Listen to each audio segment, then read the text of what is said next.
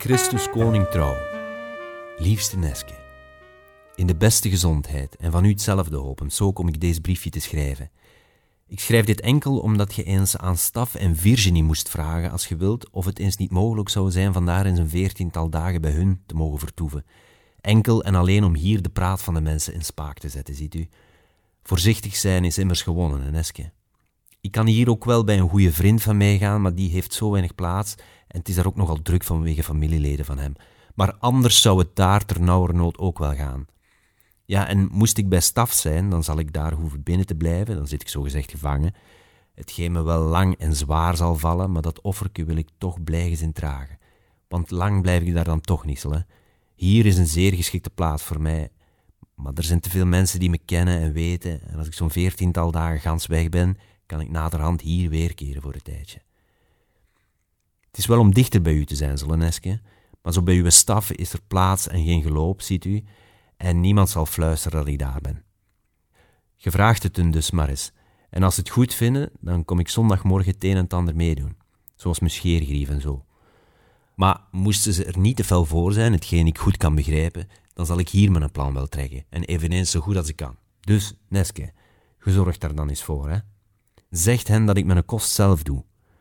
Nu, laat me ook eens weten of dat je misschien een ander plan gemaakt hebt om eens samen te komen. Anders zal ik zondagmorgen zonder fout afkomen. Ik zal voorzichtig zijn, want ik weet wat er op het spel staat en het zou een mozel zijn om voor zulke zaak gevaar op te zoeken. Wees dus gerust over mij, want ik kom toch in goed gezelschap hoor. Doe aan allen, alstublieft, vader, moeder, nonkel Alfons en de andere familie een goeie dag. En aan u, mijn liefste Neske, een innig kusje in de verte. Je trouwe fik. Nota bene, antwoord je per expres alstublieft voor zaterdagavond aan volgend adres. Fernand Bijlemans, Malou, Thoeve Astrid, Balen aan de Nede. Ik zou het verdomme nog vergeten, Neske. Een gelukkige verjaardag, hè? En nog vele plezante wellicht. Je pense à toi, Vic.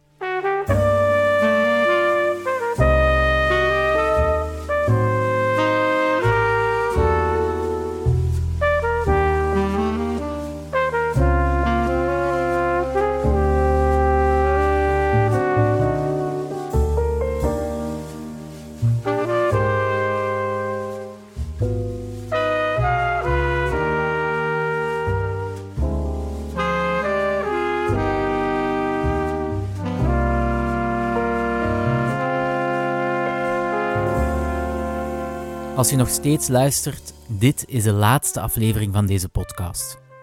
Dank je wel om het verhaal van mijn vaken al zeker tot hier te willen volgen. Het is het einde van de podcast, maar het is voor mij ook een einde van zes maanden zoeken. In deze aflevering vallen alle puzzelstukjes plots samen. Ik kom op een plaats waar mijn vaken weggestopt zat, heb een speciale ontmoeting met iemand van de andere kant van de wereld en dicht bij huis komt mijn eigen mama ook nog met een verhaal dat nog nooit eerder verteld was. Dank je wel om te luisteren. En ik hoop dat je geniet van deze laatste. Heel veel luisterplezier.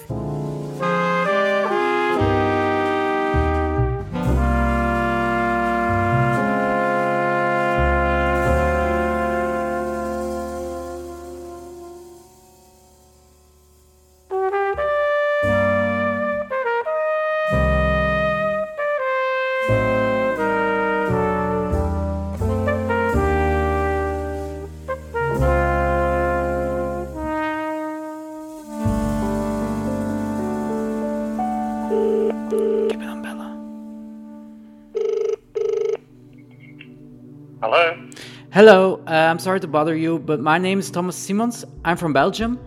I have a really weird question, question for you. Um, I'm looking for family of Leslie Carlisle Morrison who lived in Asquith. Do you uh, know him?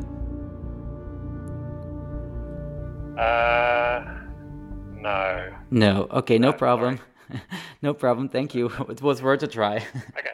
Thank you. Bye. Okay.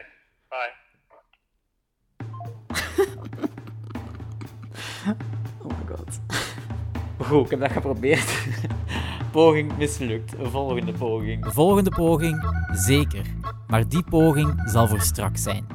Eerst moet ik nog op bezoek bij mijn moeder, want ik heb opnieuw een naam gespot in een van de brieven. Zeg maar, in een van de brieven van Vaken staat de naam Julia. Zou dat misschien Julia van Tante Leonie kunnen zijn? Ja, ik denk dat wel, ja. ja want die is, eh, die is al 70 geworden, al een heel tijdje geleden. Dus dat zou wel kunnen, ja. Ik denk het wel, ja. Zou ik daar niet een keer naartoe kunnen gaan? Ik denk dat die heel blij is als, eh, als jij eens wilt langskomen om daarover te spreken. Ja. Ik denk dat hij sowieso heel blij is als hij iemand van de familie ziet. Maar gaat hij nog iets weten? Dat weet ik natuurlijk niet, Thomas. Dat kan ik niet zeggen. Hè. Maar ja, als, ja, ik weet niet hoe oud dat hij was. Maar als dat een meisje van 6, 7 jaar was, dan vermoed ik wel dat hij daar misschien nog wel iets van weet. Oké, dan ga ik die een keer bellen. Ja. Maar heb ik, heb ik dat verhaal al gedaan van Vaken die daar opgepakt was in een Hasselt? Eh, Nee. Ah, dat weet je nog niet. Dus Vaak heeft ooit ook nog eens een verhaal verteld tegen mij dat eh, hij dus ook opgepakt was en dat ze hem gingen, Door de Gestapo. ja, ik vermoed van wel, door de Duitsers. Hè. En eh, ze gingen hem naar, naar eh, de gevangenis brengen in Hasselt. En eh, als ze al in Hasselt waren, ze waren dan richting Markt aan het lopen, dacht ik, ehm, deed hij, heeft hij gedaan alsof dat hem zijn veter moest binden. En hij is dus gaan krom staan, heeft proberen zijn ve- veter te binden. En terwijl, op dat moment is hem dus eigenlijk gaan lopen eh, richting Markt, de grote markt van Hasselt. Er waren toen ook al veel cafés. En dan is hem daar ergens een café binnengelopen, rechtstreeks naar de toiletten gelopen. Ehm, ja, en hij is dan bovenop zo'n... En ze hebben niet op hem geschoten dan? Nee, die mannen zijn beginnen lopen achter hem. Ehm, en hij is dan een, een café binnengelopen, rechtstreeks naar toiletten. En hij is dan bovenop zo'n toiletpot gaan staan. En dat waren dus nog zo deuren. Nu zijn dat deuren tot volledig toe, maar toen waren die deuren zo'n halve meter eh, van, van de vloer af, was een opening. Dus eh, hij hoorde dan dat mensen, eh, ja, hij hoorde die mannen ook in dat café binnenkomen. Waarschijnlijk hebben die die cafés toen doorzocht. En hij zag dat daar mensen onder die deur kwamen kijken. Maar die zijn dus niet, die zijn dus niet binnengegaan bij hem, of ze hebben hem in elk geval niet gevonden. Eh, maar ik denk dat het toen toch ook wel aan een zij een draadje gehangen heeft, of dat ze hem Maar, maar ja, als ze hem sowieso al, als ze hem al opgepakt hadden al, maar als je dan durft om via de list te gaan lopen, vind dat wel heel straf. Ja, maar ik denk dat hij, ja, hij was nog jong en, en uiteindelijk denk ik dat hij ook wel wist van als ik hier niet ga ontkomen, wie weet wat gebeurt er dan. Maar die ze- moet ook schrik gehad hebben. ja, natuurlijk. Ja, natuurlijk eh, zal hij wel schrik gehad hebben. Hetzelfde hadden ze hem gewoon dan neergeknald. Ja, ja, dat zijn trauma's, denk ik, hè, die je dan oploopt op die, Ja, op die leeftijd. Ja. Ik kan me niet voorstellen dat Matthijs, die nu ook op die leeftijd is, zoiets zou meemaken. Allee, kunt, u, kunt u dat echt niet, Nee, niet maar- voorstellen. Hè? Want Matthijs heeft zo gewoon Playstation liggen spelen in die rode meid. Ja, natuurlijk, dat hadden ze toen nog niet. Ik mag zo niet lachen met mijn broer. Ik ben er zeker van dat hij veel beter met die situatie zou kunnen omgaan dan ik. Drie maanden weg van iedereen die ik lief heb in pre-smartphone-tijden? Ik zie het mezelf niet doen. Maar even serieus. Ik zou die oorlogsverhalen van Vaken nog bijna gewoon gaan geraken. Terwijl, het is alles behalve gewoon. Mijn grootvader was dus opgepakt, heeft gedaan alsof hij zijn schoen bond en is dan gaan lopen. Voor zijn leven. Letterlijk. Na dit gesprek met mama bel ik Julia, de oudere nicht van mama. Ze is blij me te horen en zegt dat ik onmiddellijk naar haar mag komen. Bonjour, hallo. Je ne je donne, donne pas des bisous parce que corona, mais bonjour, hallo. Ça va? Merci. Zoals je hoort, Julia woont al van kleins af aan in Wallonië. Na de oorlog zijn ze naar daar verhuisd omdat haar vader daar werk gevonden had. Ze zegt zelf dat haar Nederlands slecht is, maar dan heeft ze mijn Frans nog niet gehoord. En ze is slim, want er is geen enkele betere gesprekstarter dan oude fotoalbums bovenhalen. Dus we een, een- Is hem daar? ja, dat is juist Alex, hè? Ja, dat is juist Alex. Maar nogal En dat is hem, ja, ja. Ik ga er een foto van pakken als, als ik dat mag. Ja, dat. En wat, wie is uw moeder dan? Is zij- ja, dat Ah. ja, dat is dus ook. Ah ja, Dat dat is- die ja. foto ken ik. Ja, dat ze getreerd is dat. Ah ja, ja, ja, ja. Huh? Schoon. Ja, dat zijn allemaal ah, foto's, hè. Ik doe het toch Ja, dat is binnenhalen. Eh, dus als moe, dat is dat is niet zo recht te zien, hè. En nog een fik weer altijd bijen. Nog een staf die was onder gendarmerie, dat was een beetje even, de juiste datum weet ik niet. Nee, nee. Dat kan nog wel opzoeken. Hè, Maar dus, eh wij zijn met hun tweeën tegen een, overschot, hè. Ja. En eh, ja, zo zijn ze hè, altijd goed Een band gekregen, ja. goed overeengekomen. Dus, ehm ja, nee, we zullen over de oorlog klappen. Dus werk ik twee jaar. En als moe, dat had een velo. Hè, met een stoelje op. Hè, zo, zo. Ja, ja. En een als, een fik dan, eh, hè. Eh, dus was hem waarschijnlijk een soldaat geweest, maar re- refractair, ik weet niet hoe ze dat zeggen. Dus, eh, in het verzet zat hem? Ja, ja, ja, ik denk dat dat is. Eh, en hij ging eh alleen van alle papieren eh nou, nou, het goed bestuur, trouwen en zo van alles en verwisselen en dat allemaal. Maar hij was heel onvoorzichtig. Als fik. Ah, als een fik. Als een fik, die ging overal hè. En eh, dat nes, hè. ze werden nog niet getraind of niks doen, hè. maar ze gingen, hij ging regelmatig. En dan kwam ze ons moeder zeggen, ze, we hebben een fik daar gezien, en we hebben een fik daar gezien, en we hebben een fik daar gezien. En Toen dat hem verstoken zat. Ah ja, hè? en als moeder was altijd bang. Ze zijn komen zoeken te, eh, bij, bij Ja, thuis. Hè? En eh, mijn vader die werkte toen in een mijn, omdat er anders niks meer was. Maar eh, hè? ze kwamen er nog wel zien in het bed of er niemand niet bij, bij als moeder geslapen had. Hè? En nou, had papieren nodig. Hè? Voor, hem, bij valse namen Ja. natuurlijk. En voor een overschot, daar, weet ik niet, niet veel van. Hè. En wie moest naar de gemeente naar huis gaan? Als Jij. moe. En, en ik erbij natuurlijk. Hè. En de papieren, waar zetten ze die? Voor, hè?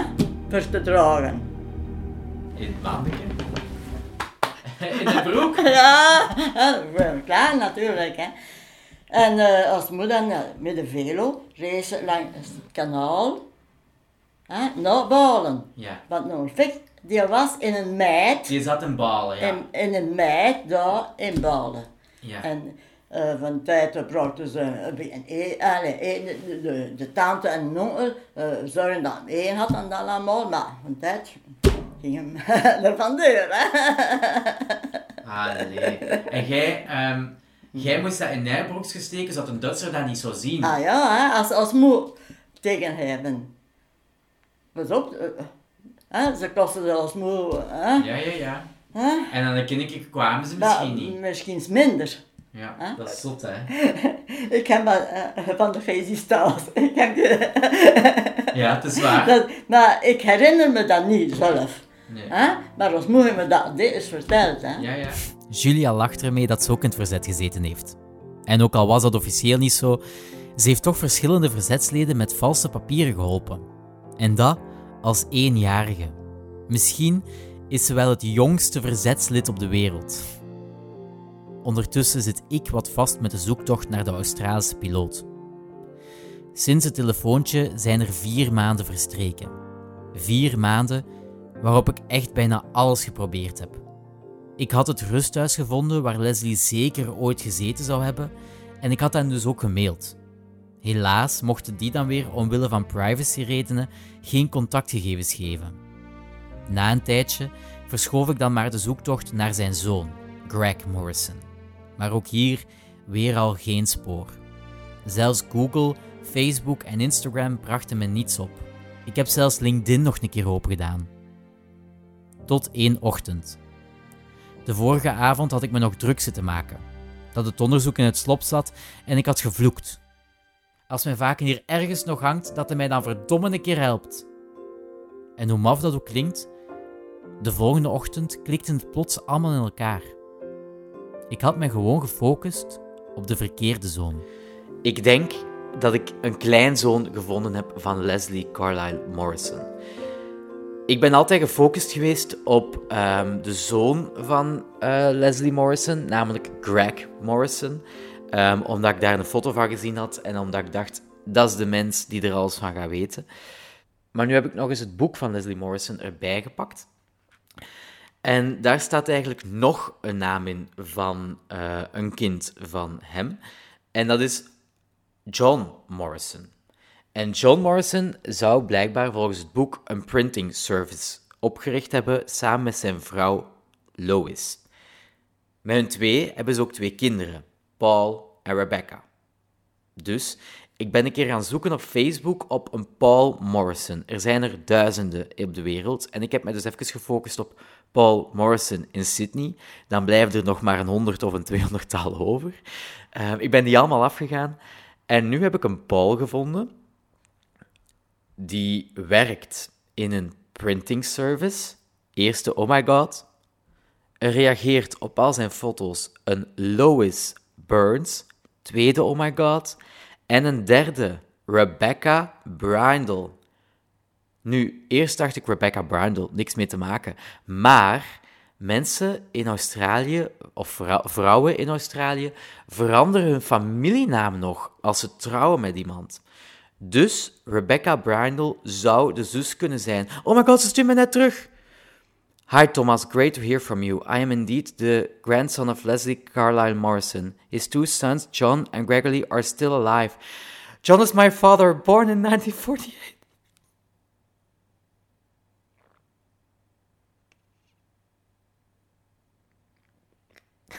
Sorry, ik word er even emotioneel van. Dat is zo belachelijk dat ik hier nu al emotioneel van word, maar ik ben zo lang bezig om die mensen te vinden en eindelijk heb ik die gevonden. His two sons, John and Gregory, Gregory, are still alive. John is my father, born in 1948, and not exactly a Facebook expert, so I would be very happy to assist you with any information we can assist you. Thanking for reaching out. Fuck, that's so cool.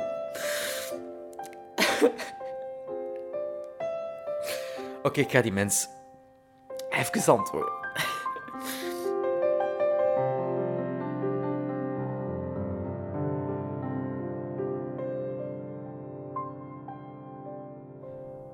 Lang getwijfeld of ik mijn gehuil in de podcast zou houden. Want het is toch lichtjes gênant. Maar to be honest, het is nu eenmaal echt wat ik voelde. En na maanden van zoeken klikte het op die ene ochtend plots in elkaar. Precies een geschenk uit de hemel. Vanwege coronamaatregelen zat een tripje Australië er helaas niet in, maar gelukkig bestaat er zoiets als een telefoonlijn.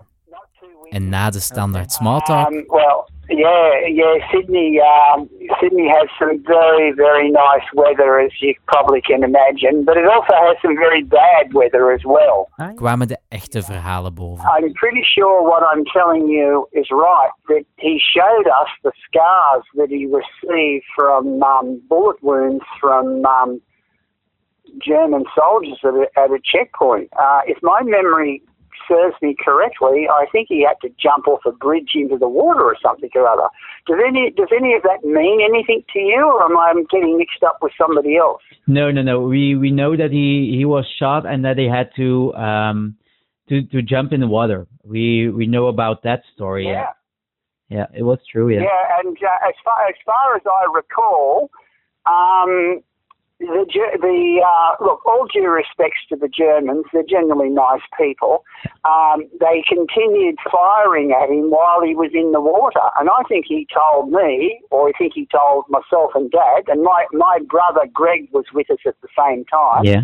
I remember him telling us the story, and you could hear the bullets going through the water. You know, like as they slowed down, making a zing, and you thought, oh, I'll be dead for sure soon but um, he managed to, um, you know, he managed to survive that, you know, which is really remarkable. Het verhaal van Vaken en zijn sprong in het kanaal om schietende Duitsers te ontwijken, dat kenden we al.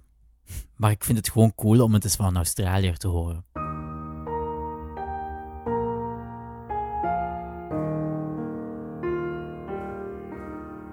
De rampzalige vlucht van Leslie begint op een koude avond, in volle kerstperiode. Het is 23 december en piloot Leslie vertrekt vanuit York met een Lancaster, wat zo'n echt gevechtsvliegtuig is. Ik heb het ook moeten googlen. De bemanning van die avond bestaat uit twee Canadezen en drie Engelsen, met als enige doel The purpose of the flight was to bomb the crap out of the Germans. weg kerstsfeer. Hun enige doel was om de Duitsers in Hamburg te gaan platbombarderen. So on that night they got shot down. This is what happened. Onboard radar in the Lancaster wasn't working properly, so they had navigation problems. Um, um, but as the entire flight, all the bombers came out of England, the Germans knew that they were coming. There was very, very heavy flak, very, very heavy searchlight activity, and lots of aircraft got shot down.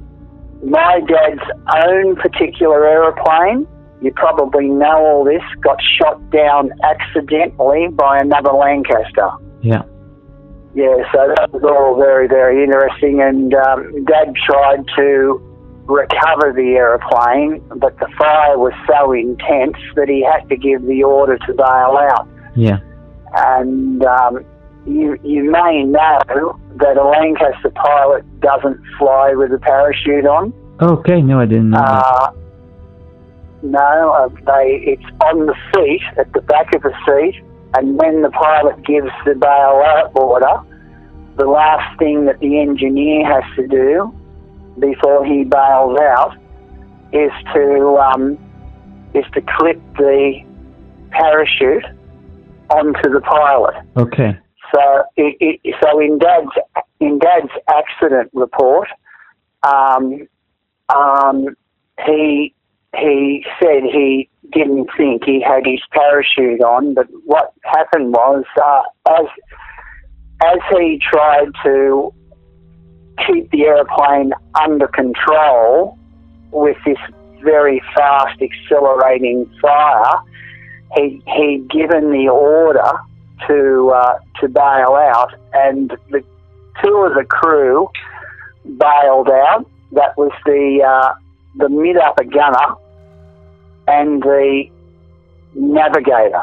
Yeah. They bailed out first, but unfortunately they bailed out so close to each other, we're thinking that they crashed into each other's parachutes the ground. Op die bewuste avond vlogen de mannen met een kapot navigatiesysteem naar Hamburg om te gaan bombarderen.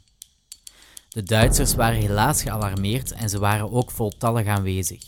Het vliegtuig van Leslie werd geraakt en drie van de crewleden konden eruit springen. De twee eerste sprongen helaas te dicht bij elkaar en vielen dood neer op de grond. De derde geraakte wel heel uit het vliegtuig, maar werd opgepakt. Hij belandde in de kampen, maar overleefde gelukkig. Leslie zit op dit moment nog in het vliegtuig, samen met de 19-jarige vliegtuigingenieur, en probeert het vliegtuig recht te houden. Maar helaas komt er een moment dat dat niet meer lukt. Dad was trying to keep the airplane right way up, and it went upside down into what people call an inverted spin. Dad, my, my, my father had fallen out of the seat and was on the plastic canopy of the Lancaster upside down with the 17 year old Tommy, the flight engineer, and they were staring each other in the face and more or less meditating, oh, well, we're going to be dead in about 20, 30 seconds, you know? Oh god, yeah. Uh, yeah, and um, and what happened was because the aeroplane broke up so much, the canopy fell off the aeroplane, and Dad and Tommy fell out. And Dad reached up and thought, "Oh well, I'm dead anyway because I've got no parachute on." And that, and this happened at six thousand feet. And as they're falling, as he's falling down through the air, he realised the parachute was attached Oh and god. he reached up, grabbed it, pulled the ripcord, and with about a thousand foot to go, landed in Rosa Roots Field somewhere in Belgium. Leslie belandt veilig op de begane grond en hij valt in het veld van Rosa Loods. Rosa en haar familie staan gelukkig aan de kant van de piloot en ze laten hem onderduiken. Op deze manier start voor Leslie een avontuur van negen maanden. Negen maanden waarop hij van verzetshuis naar verzetshuis wisselt, om uiteindelijk terug thuis in Australië te geraken. En daar komt dan plots het verband met mijn vaken boven. Your father was one in a chain of people who helped. Now, I don't know how long Dad would have stayed with your father's family, but he had to cross a river on a bridge where there was a German checkpoint. And your grandfather, I'm sorry, your grandfather had done that several times before, and he'd done it several times afterwards, of course. And my dad, you know, can't speak a word of French, can't speak a word of Belgium, looks Australian, is a big build, like a reasonable build. Like Australians are fairly big. I'm not saying Belgians aren't, but I mean, you know, this colonialism sort of stretches you a bit. Um, um, your father had to pretend that my father was sick Okay.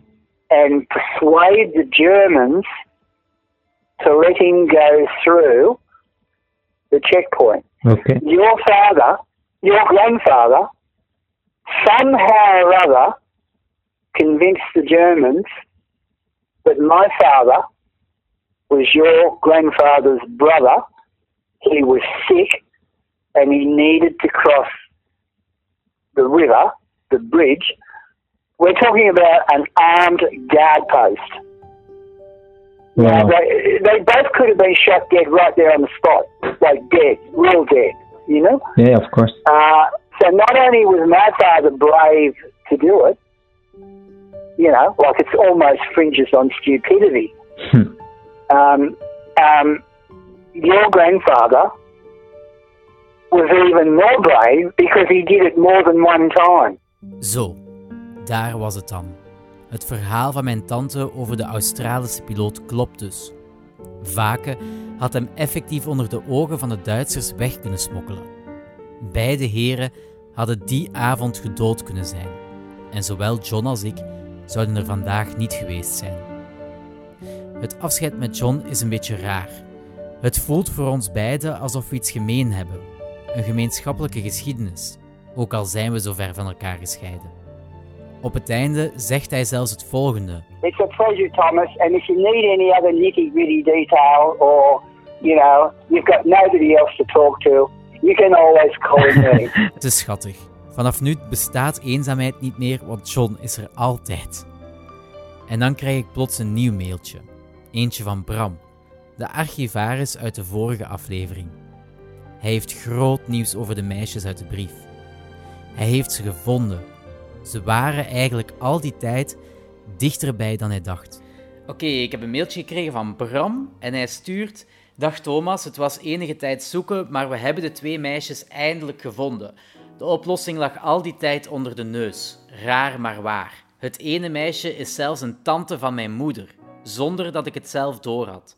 De wereld is klein. Via de telefoon vernam ik al heel veel informatie en verhalen die u zeker zullen interesseren. Fik Valkenborgs deed meteen een lampje branden bij Josephine en Louis en de verhalen kwamen goed los. Hallo, goeiedag. Ik ben Thomas. Aangenaam. Klein zo van Fik. Van Fik. Ja. En ik heb, ik heb gehoord dat jij hem, al dat jij hem gekend hebt, dus... eh, Ik denk het wel. Kom er maar binnen. Dat is de, de foto's. Ah ja. Ah ja, en dat is hem hier. Dat is. Ah, en, en dan zei jij dat, hè? Ja. Zij. die- Ja. Jij bent de oudste van de tweeën. Ja. Ja. We Allee. schillen vier jaar ermee. Ah ja, maar dat is... Met Jan. Tien en zes jaar, hè? Ja, dat klopt. Ah, wel, maar hij heeft... Ik heb brieven teruggevonden. Van... Ik heb brieven teruggevonden van in die tijd. Als hem hier zat. Hij heeft een brieven geschreven naar mijn... Ah. Nou, nou, moeke, naar Nes. En ehm, hij zegt daarin, stuur de Kodak een keer op, want die mesjes, die gellen, willen graag een foto met mij. En dat is grappig, want ze heeft dan de Kodak opgestuurd en dat zal de foto geweest zijn dat hem genomen heeft waarschijnlijk. Allee, jong. En dat is ook exact mijn reactie. Allee, jong. Hoe maf is dit? Na bijna 80 jaar haal ik een pakketje brieven boven. Ik lees daarin dat mijn grootvader bij een gezin zit met jonge kinderen. Een meisje van zes en eentje van tien. Dat meisje van tien, dat is nu 87 jaar. En ze zit plots hier tegenover mij. En in haar hand heeft ze de foto die beschreven staat in die brief van 77 jaar oud. Geschift. Het meisje, Josephine heet ze, is een beetje ziek en haar geheugen laat haar af en toe al een beetje in de steek. Gelukkig is er haar man, Louis, en Louis heeft mijn grootvader na de oorlog nog een paar keer gezien. Louis weet dus wel nog alle verhalen. Hij weet dus bijvoorbeeld wat mijn grootvader zijn echte, grote verzetsmissie was. Ja, het, hij heeft verteld dat hij op de remetaillering zat, op de beverhouding. Hè, we zegeltjes te geven en we passen te geven. Hij deed dat. Dat was aangesteld, zo gezegd. Hè? Ah ja. Want de, de Duits stelde ook burgemeester aan de burgemeesters aan. Hè? Ja. Hè? Ja. Als ze niet voldeden zijn zin, of ze hadden zo een beetje een rugje naar de andere kant, dan zetten ze dat er zelf in. Hè? Ah ja, dus, wacht hè, als ik het goed begreep. Dus mijn vaker, Victor, die was aangesteld door de Duits om Ja, ja. zegeltjes te geven aan de mensen. Ja. Ja. En dan heeft hem aan mensen een pas gegeven en zegeltjes gegeven, like aan Russen en zo, die in de mijn werkten en die gelopen waren. Ah ja. Dus onder de, onder de, de neus van de Duits zitten eigenlijk zegeltjes liggen voor Ja, mensen die ja. het niet mochten krijgen. Die mochten, niet, die mochten ze niet krijgen. En dan eh, hebben ze hem willen aanhalen, maar hij had iets geroken zeker en dat is me gevlucht. Ja. En hij moet iets gehoord hebben of gezien hebben, dat weet ik niet. Maar dan is hem, hem die geroepen altijd en hij is de, de plaat geputst. Hè. En hij is de, de beek gesprongen. Maar in die beek stond nog niet veel water. Ze hadden dan op hem geschoten nog. Zeven keer heeft hij nu zijn. Zeven keer Ah, plus hem minus zeven keer heeft hij nu zijn. En hij, maar niet, niet, Nee. niet geraakt. Nee, dat is eigenlijk straf. Amai. Ja? Die mensen toch zoveel chance gehad in zijn leven. Ja? Eerst in dat kanaal, nu hier bij zijn vlucht. De hoeveelheid aan kogels die misgeschoten zijn bij mijn vaken zijn ontelbaar aan het worden. Hoeveel chance moet die mens gehad hebben? Of zoals hij het zou zeggen, wat een goeie engelbewaarder heb ik. Victor was dus aangesteld als verdeler van de zegeltjes, waar mensen eten mee konden gaan halen. Hij gaf deze zegels ook aan de mensen die het volgens de bezetter niet verdienden. De Duitsers zijn dit te weten gekomen en het werd te warm onder zijn voeten. Daarom is hij moeten vluchten. Er was trouwens nog een vluchtverhaal van Fik. In Sint-Louis is hem ook gelopen. al. In de Senderlo. Ja? Maar ik weet niet dat hij toen al daar woonde, hè? dat weet ik niet. Hè? Ik weet nog niet wanneer hij getrouwd is. Die is pas na de oorlog getrouwd. nou, ah, zo dus, dan, dat is al, hè, maar hij heeft dan misschien familie gehad in er, kan Ja? Nes woonde daar, hè. Hè? Nes, Agnes, zijn vrouw, woonde daar. Die woonden al in Looi. Ah, ah, dat is dan dan, dat, die zal misschien verkering gehad hebben met Vita. Ja, ja, ja, ja, dat was Ah, want toen heeft hij ook moeten gaan lopen daar. En dan is hem de bruggen op een vlotte wiet overgegaan. En hij had hem gezegd, ik ga me willen versteken in een groot korenveld. En eh, aan deze kant kanaal dan, hè, niet van geen, hè, aan deze kant kanaal. En eh, dan heb hij dan een tijd gezeten, maar het was bruggend, hier het heb hij gezegd. En toen had hij opeens iets gehoord en dat, zo, dat ze aan het roepen waren en die taal herkende hij. En, eh, maar hij stek niet willen voetgaan, maar hij zei, je weet niet zijn dat ze onder dwang moeten komen zijn En dat zou hem met de vrouwen. Dat zou kunnen, hè. En hij direct niet willen reageren. Maar omdat de anderen wisten dat hij daar ongeveer moest zitten, hebben die niet afgegeven en dan zijn die toch blijven aandringen en dan zijn de burgang gekomen, of hem die geroepen, dat weet ik niet. En dan heeft hij gezegd, ga, ga naar huis, eh, boerenkletsel halen, een reek, een klak en, en, een, en een gaffel. En, en nog iets te drinken ook, dat, dat zeggen dat hem lang aan het werken geweest was. En dan is hem zo tegenavond dan, en een tijd na dat dan al, want hij had nog een tijd blijven zitten daar, is, hè, dat die andere weg was. En dan is hij naar de, de brug naar was gegaan en daar stonden twee Dutsen op. Twee Dutsen. En dan is hij zo naar was gegaan en die hebben hem gewoon gelopen. Tot nu toe waren de verhalen van mijn grootvader steeds heldhaftig. Een klein beetje een soort Robin Hood gevoel had ik steeds. Stelen van de rijken en geven aan de armen, aan zij die het niet kregen van de bezetter. Tot plots er een ander verhaal bovenkomt. Hij had, had toen gezegd gehad dat ze ergens in een café stonden en er was iemand bij die, als je een pint gedronken had, die veel te losbandig was. En ik denk dat ze je geliquideerd hebben, maar wie dat dat weet ik niet. Maar uh, want hij zei, die hoorde dat niet was. En, uh, want gaan we allemaal al geweest zitten.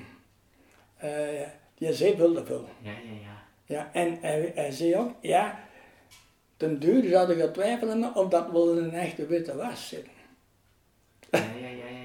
ja. He? Als het een filtrant was.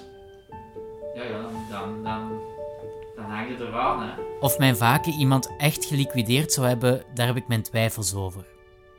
Ik zie het hem echt niet doen, maar zeker weet ik het natuurlijk niet. Meteen stel ik mezelf de vraag: hoe zou ik reageren als ik in levensgevaar was? Zou ik dan kunnen doden? Ik heb er oprecht geen idee over. Zowel jij als ik hebben nog nooit in deze situatie gezeten en ik denk dus dat we er niet echt over kunnen oordelen. Een leven van een onbekende is dierbaar, maar is dat ook dierbaarder dan dat van jezelf? In elk geval is het zeker dat mijn vaken meer levens gered heeft. Niet enkel door te voeden of onder de ogen van Duitsers heen weg te smokkelen, maar ook na de oorlog. Zelfs mensen die hij op dat moment nog zag als vijanden. Uh, na de oorlog, ja, als hij een Duitse weg was, je, dat, hem, dat ze die zwetten oppakte en dat ze daar werden erbij die ze wel serieus mishandelen en de vrouwen de haar afknippen. En een hadden ze gebeurd achter de auto gebonden en zo. En dat was mensonterend, zei hij. En toen had hij bevel gekregen van hoge rand dat hij moest zorgen dat die, die ze oppakte nog, dat die menselijk naar dingen, en, en hij moest die zelf leiden naar, naar, dist. Dat had hij gezegd. Heeft die mensen geholpen eigenlijk. Ja, ja. hij had bevel gekregen dat hij willen en dingen moesten gedragen. Ja, ja, ja, ja, Zonder dingen. En dat, is nog wel dingen geweest, ahoe geroepen en, en protest zo wel, maar hij geen niet aan de hand, want ze kenden mij zitten en hij mocht zijn eigen verdediging met al wat mogelijk was. En hij was een hele kordaat, Ja, was, was Ja, een hele kordaat. En hele pinteren. Ja, maar hij had alles gezien en gehoord, hè? Ja, maar, maar wel goed van het. Jawel, jawel. Dat denk ik wel. Jawel. Uh, Fik, wat voor een mens was dat toen dat je niet zat? Was dat een plezant of was dat... Dat kan ik niet aan meeklappen eigenlijk. Ja, ja, dat kon wel goed mee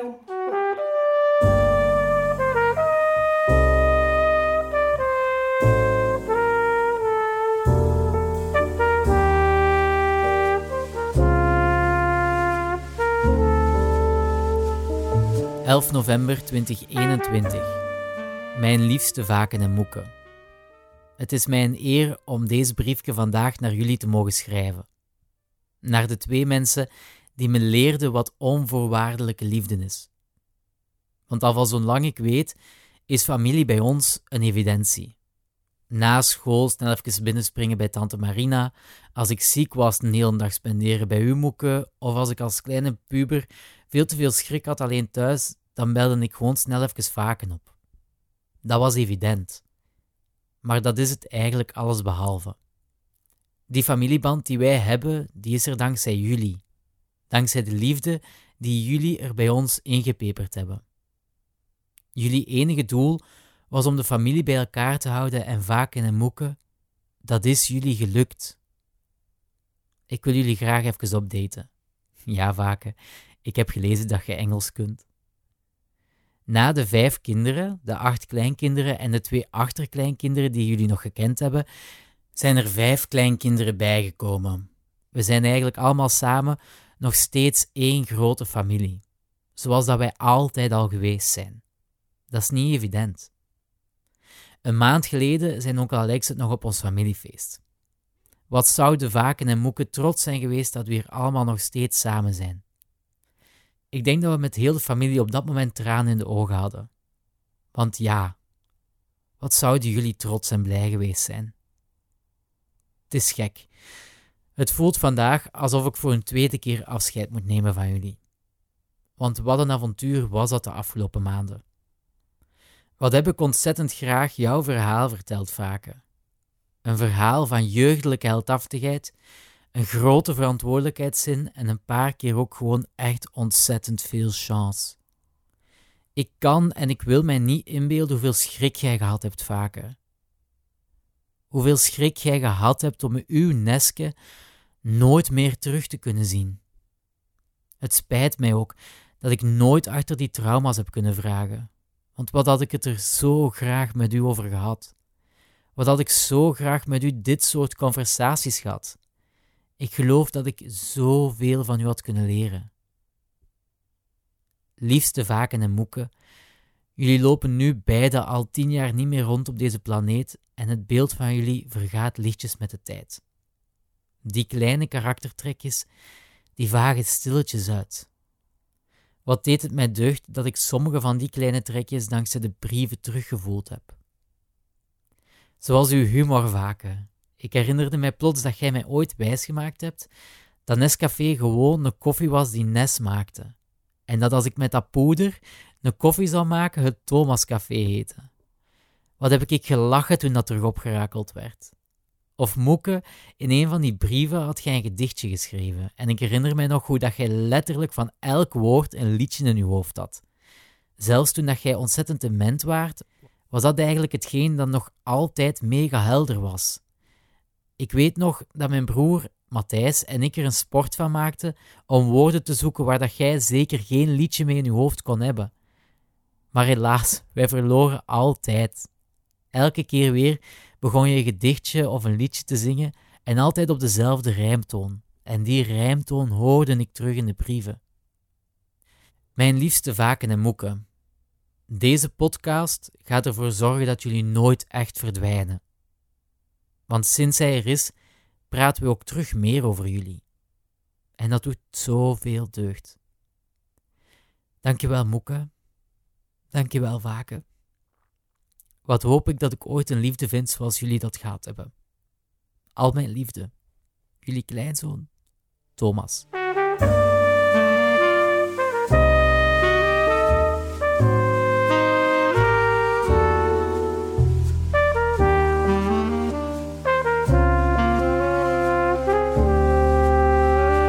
Dit was de laatste aflevering van De Brieven van mijn grootvader.